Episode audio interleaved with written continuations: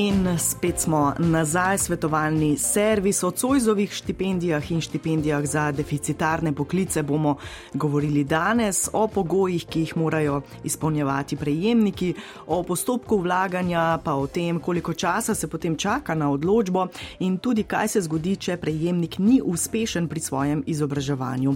Za odgovore na to vrstna, na vsa ta vprašanja je danes z nami vodja oddelka za štipendije in programe Ad Futura Maja. Gašparovič, lepo pozdravljeni, dobro jutro. Dobro jutro.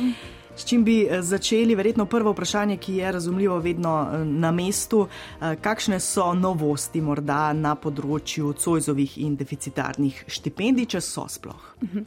Letos na področju Cojzovih štipendij pri pogojih za dodelitev ni nekih posebnih novosti, ostajamo na sistemu kot pred leti.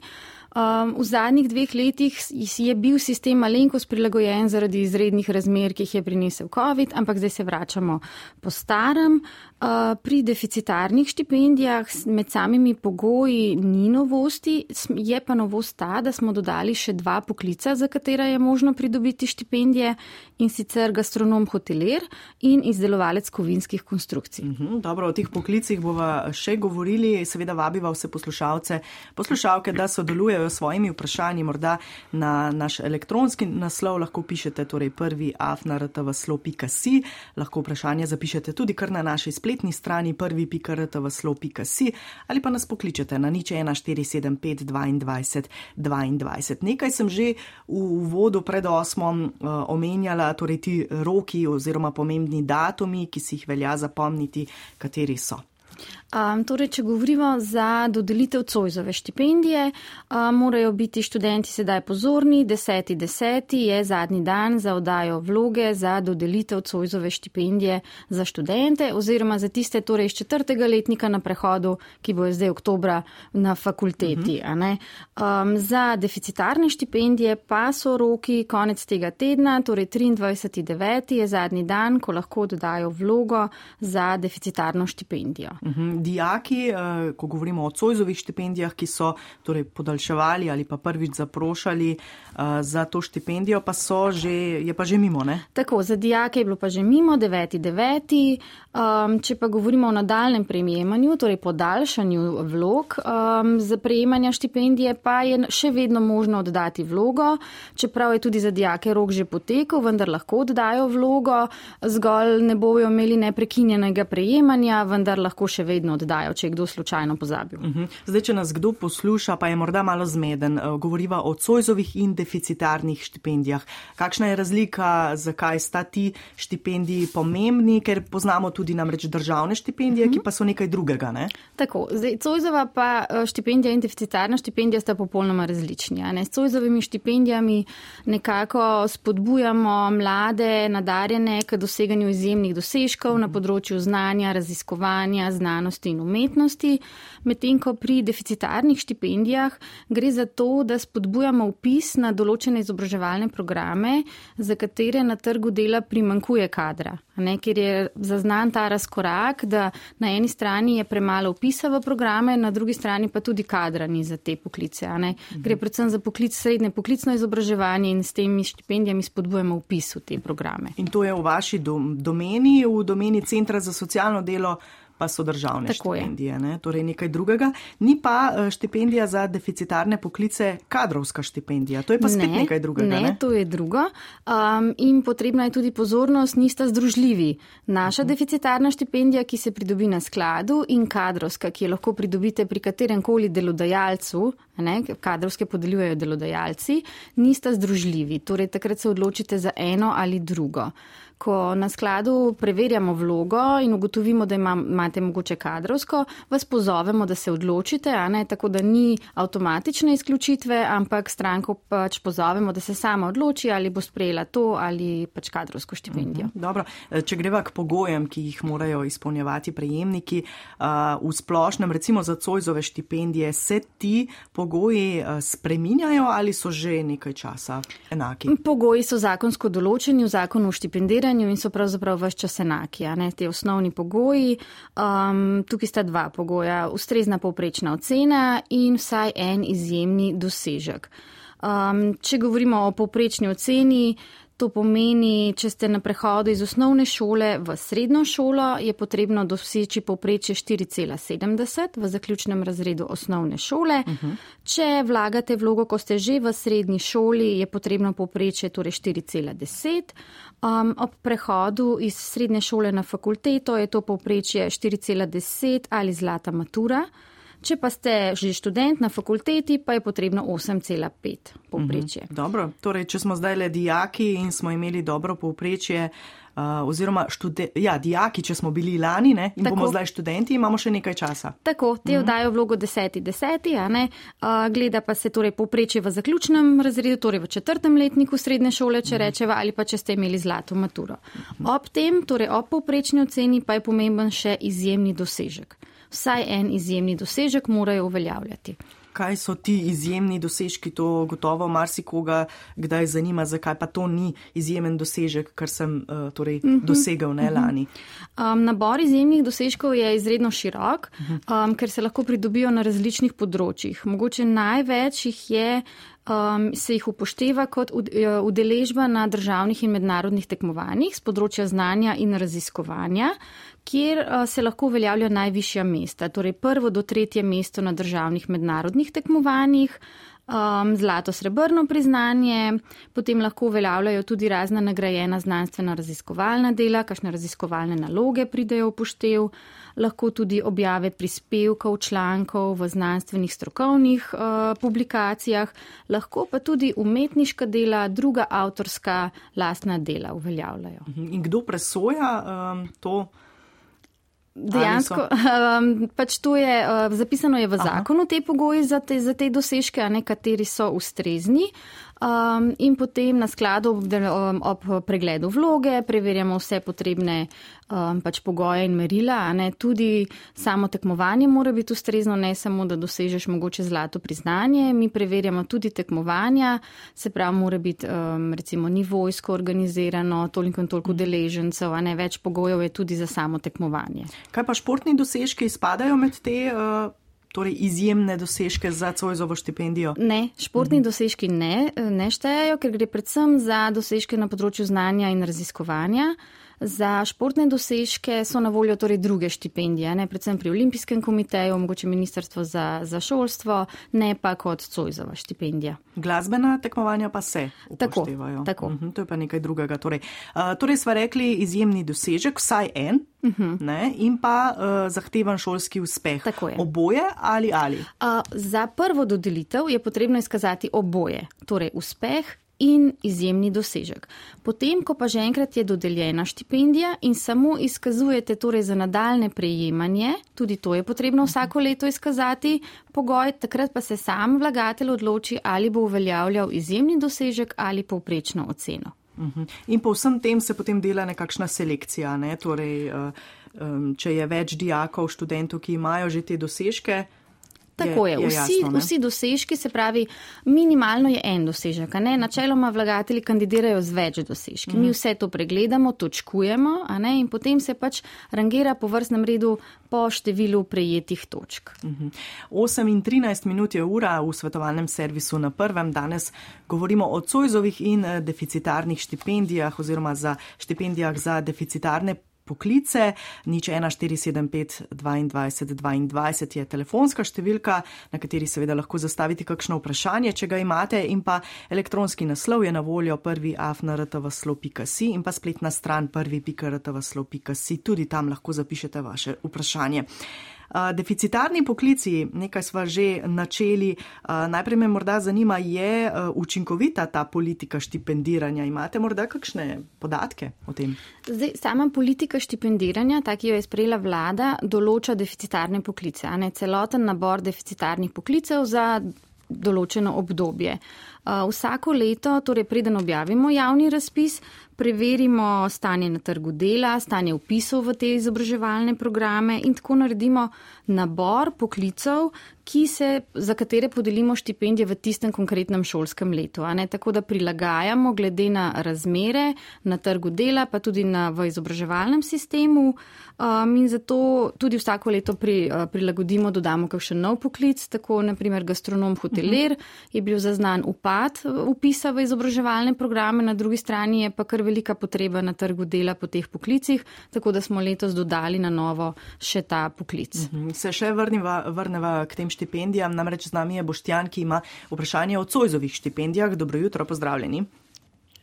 Do, dobro jutro. Izvolite. E, jaz sem se vključil v program zdaj, mogoče ste že odgovorili na to, ampak vseeno me zanima, če lahko mi poveste, pri prehodu iz srednje šole na fakulteto, e, hčera ima Cojzovo štipendijo in me zanima, e, kakšni so pa tle posebni pogoji, ali se ti posebni dosežki morajo ponovno dosežti ali veljajo iz e, srednje šole, ocena in tako naprej. Hvala lepa, bom poslušal, kar je. Um, ob prehodu med ravni izobraževanja, torej na prehodu na višjo stopno, je potrebno ponovno izpolnjevati pogoje za dodelitev. Gre za novo dodelitev, ne nadaljne prejemanje, ker štipendija se dodeli od začetka izobraževalnega programa do zaključka, torej recimo za gimnazijo. Ko pridete na fakulteto, je ponovno dodelitev in je potrebno spet izpolnjevati pogoje za prvo dodelitev. Torej, povprečna ocena, če, če sem prav razumela, je um, potencijalna vlagateljica torej na prehodu na fakulteto, uh -huh, uh -huh. torej se gleda povprečna ocena v zadnjem letniku srednje šole, ki mora biti 4,10 ali zlata matura, ter vsaj en izjemni dosežek. Dobro, ima pa časa še do 10. Tako, 10. 10. pa je rok za oddajo vloge. Uh -huh. Ta vloga, zdaj morda, če sva ravno pri tem, ne, uh, je, um, kje je ta vloga na voljo, torej na spletu ali je še vedno tako, kot je bilo včasih samo po pošti? Um, vloga je, seveda, na, obrazec je na voljo na naši spletni strani, lahko ga natisnete, pošljete po pošti, uh mhm. -huh. lahko ga osebno dostavite v naše poslovne prostore na Dunajsko 20 v Ljubljani. Letos pa je tudi novost in sicer je možno dati e-vlogo preko portala Moja e-uprava. Tako za Cojzovo kot deficitarno štipendijo je na voljo e-vloga preko portala Moja e-uprava. Dobro. Tam se samo prijavite pač s kvalificiranim potrdilom, najdete vlogo in izpolnite vse potrebne rubrike. Poslušalca zanima naslednje, v katerem primeru študent ni več upravičen do Cojzove štipendije, torej študent, ali mora vsako leto doseči neko povprečje pri ocenah, če jo izgubi, jo lahko nazaj dobi.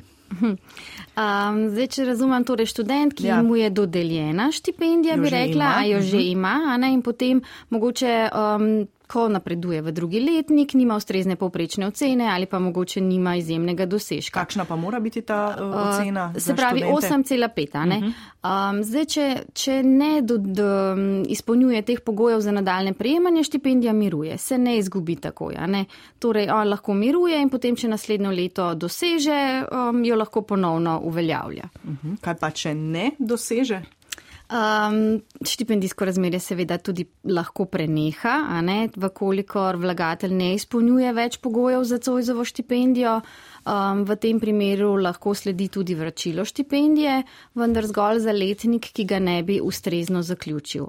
Če je letnik zaključen, uh, potem vračila ni potrebno, če pa letnik ni zaključen, torej da se prav prekine izobraževanje, um, potem je pa potrebno vračilo tistega letnika. Mhm. Miruje pa štipendija lahko samo eno leto. Če, um, če recimo iz razloga ponavljanja, ne, torej uh -huh. da ne napreduješ v višji letnik, lahko miruje eno leto, so pa tudi izjeme, recimo zdravstveni razlogi, kakšne hujše socialne okoliščine, kjer lahko miruje tudi do tri leta. Uh -huh. Vendar v takih primerjih bi res svetovala um, štipendistom, da se obrnejo na sklad, pojasnijo situacijo um, pravočasno, marsikaj se da še rešiti, svetujemo, kaj in kako naj se obrnejo zato da pravočasno rešimo in jih usmerimo, da dajo pravo vlogo, mogoče za mirovanje, za odpis dolga, za karkoli, um, ker če, če nismo v stiku in ko izvemo to nekako pozno, je težko še reševati uh, karkoli. In zdaj, naprimer, študent, ki je padel letnik,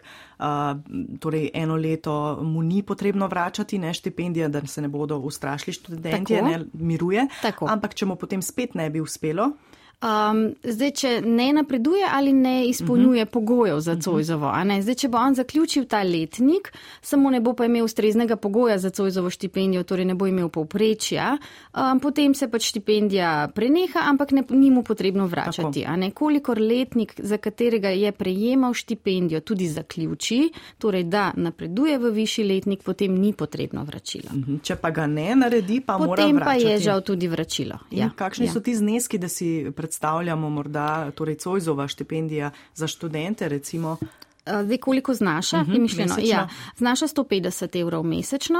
Um, če študirate v tujini, pa je ta štipendija še enkrat višja, je torej 300 evrov mesečno. Uh -huh. Kakšen pa je znesek za dijake za Cojzovo? Uh, dijake 128 evrov mesečno, prav tako, če se izobražujejo v tujini, je to še enkrat višja, 257 uh -huh. evrov.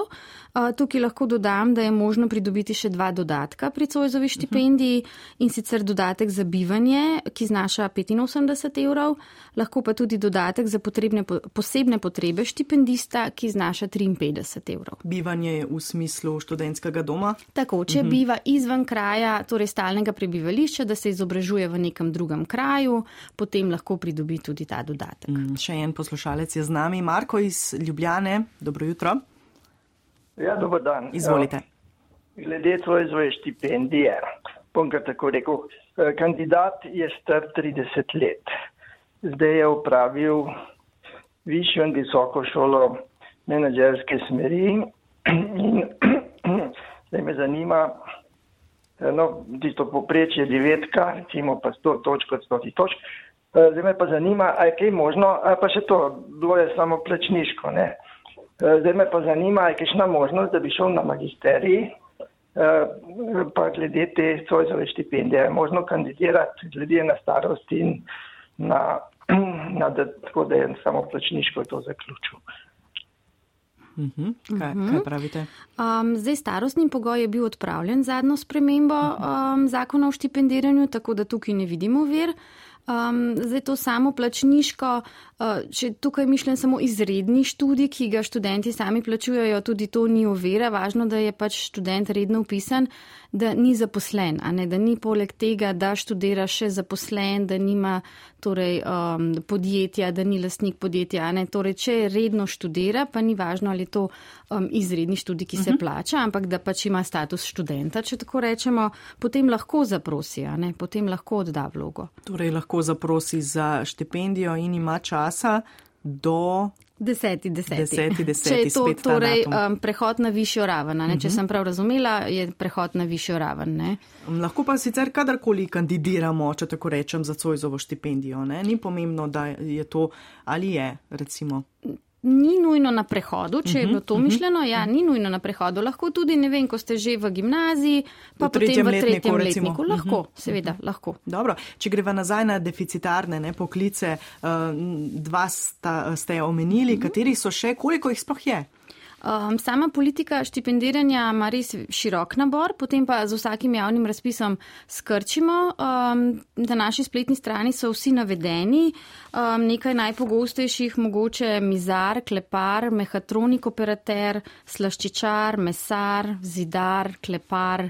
Um, in res veliko je, nekje 20 teh poklicev no, mhm. navedenih. Uh -huh. Se verjetno, ko se upisujejo v te srednje šole, jih na to na šolah upozorijo, ne, da bodo imeli verjetno možnost.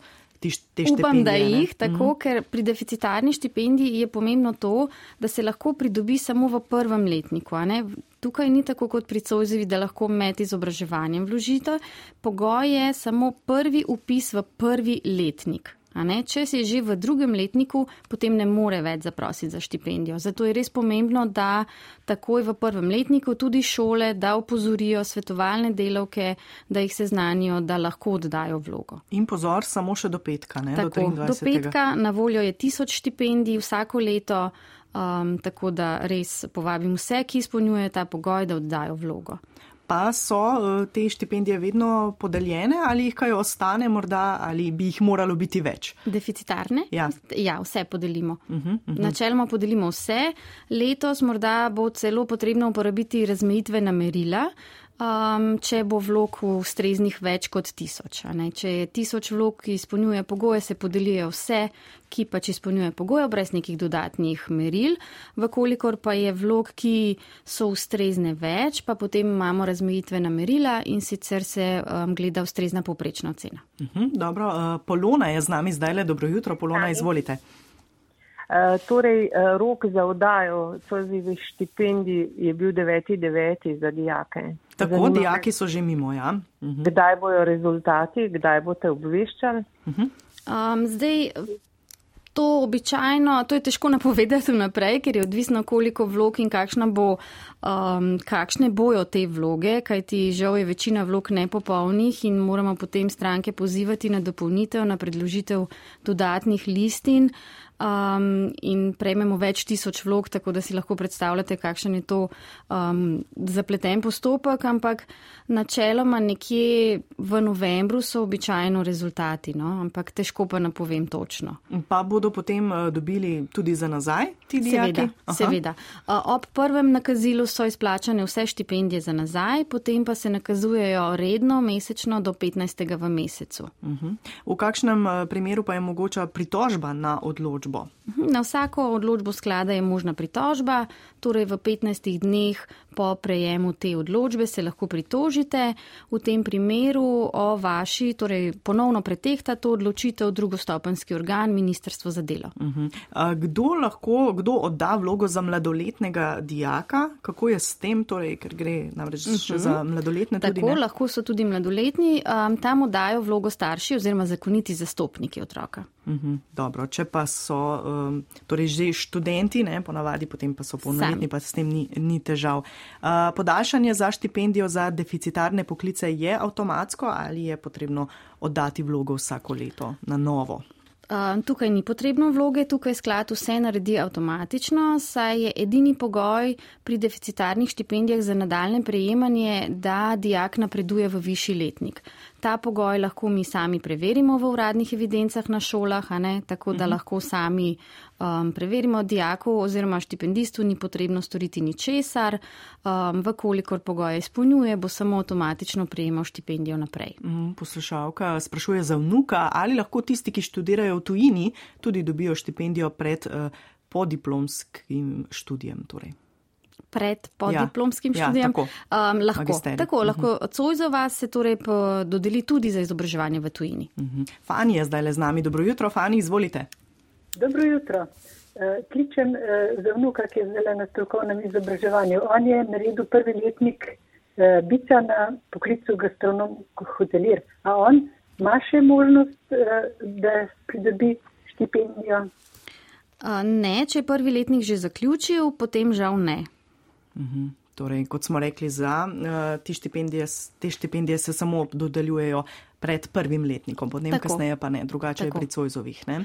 Tako, mm. ker se spodbuja upis v te programe, zato ob upisu prvi letnik. Dobro, eh, česa še nisva omenili, kaj je morda eh, še tisto, kar eh, morava, povedali sva veliko o rokih, povedali sva o nakazilih, ti so vedno 15. v mesecu, ne? če se ne motim. Tako je 15. v mesecu na račun štipendista. Tudi mladoletni -hmm. štipendisti morajo imeti svoj bančni račun, torej ne na račun staršev. -hmm. Vkolikor ga ob sami vlogi recimo za deficitarno štipendijo, zdaj ko oddajo, še nimajo nič hudega, pustite prazno to polje, um, pred nakazilom vas bomo kontaktirali in boste takrat uredili zadeve. Kako pa je z družljivostjo štipendij, nekaj malega, mislim, da ste že omenili, uh mhm. -huh. katere štipendije imamo lahko hkrati in katere ne? Uh, se pravi, rekli smo že pri deficitarni štipendiji, da ni združljiva s kadrovsko štipendijo, uh, pri Cojzovi pa je omejitev, da ni združljiva z državno štipendijo. Um, predvsem tukaj državna Cojzova je več vprašanj, um, lahko kandidirajo za obeh krati, lahko vložijo zdaj za državno, um, tudi za Cojzovo, potem pa tekom postopka torej povprašamo vlagatelja, da se sam odloči, katero štipendijo bo imel. Ni, nič ne izgubi, lahko kandidira istočasno za obe. Ravno ena poslušalka sprašuje, zakaj se Cojzova in državna izključujeta. Ne? To je um, kar pogosto ne vprašanje. Tako, um, to je pač uh, zakonska podlaga, tako določa zakon o štipendiranju. Um, mm. Tukaj pa, nimamo. pa še nekaj, marsikoga zanima, ne? kako je z vplivanjem na višino otroškega dodatka, torej ali prejemanje štipendij vpliva na višino otroškega ne, dodatka? Ne, ne vpliva ne na razne socialne transferje, dohodnino in podobno. Ne. Torej ne. In še nekaj bova omenili, izteče se tudi k malu rok za oddajo vloge za prejemanje štipendije za slovence v zamejstvu in po svetu, ne? Tako je, to je tudi eden od razpisov, ki ga vsako leto izvajamo na našem skladu. Gre za štipendije za torej slovence v zamejstvu, da pridejo študirati v Slovenijo na prvo in drugo stopnjo, um, ne glede na kateri program, samo da se vrnejo torej v Slovenijo. Uh, ta štipendija pa znaša 214 evrov mesečno, vlogo pa je do konca meseca še možno oddati. Dobro, zdaj pa mislim, da smo res vse, na vse opozorile, ne predvsem pa ta 23. september in štipendije za deficitarne poklice, to je tisto glavno, ne, kar si Tako. morajo zapomniti. Vodja oddelka za štipendije in programe Ad Futura Maja Gašparovič z javnega štipendijskega, razvojnega, invalidskega in preživninskega sklada Republike Slovenije. Najlepša hvala za vaš obisk. Hvala tudi vam. Še povabilo k poslušanju jutrišnjega, torej četrtkovega svetovalnega servisa. Govorili bomo o raku materničnega vratu, ki je posledica okužbe s HPV. Govorili bomo torej o okužbi in tudi o cepljenju.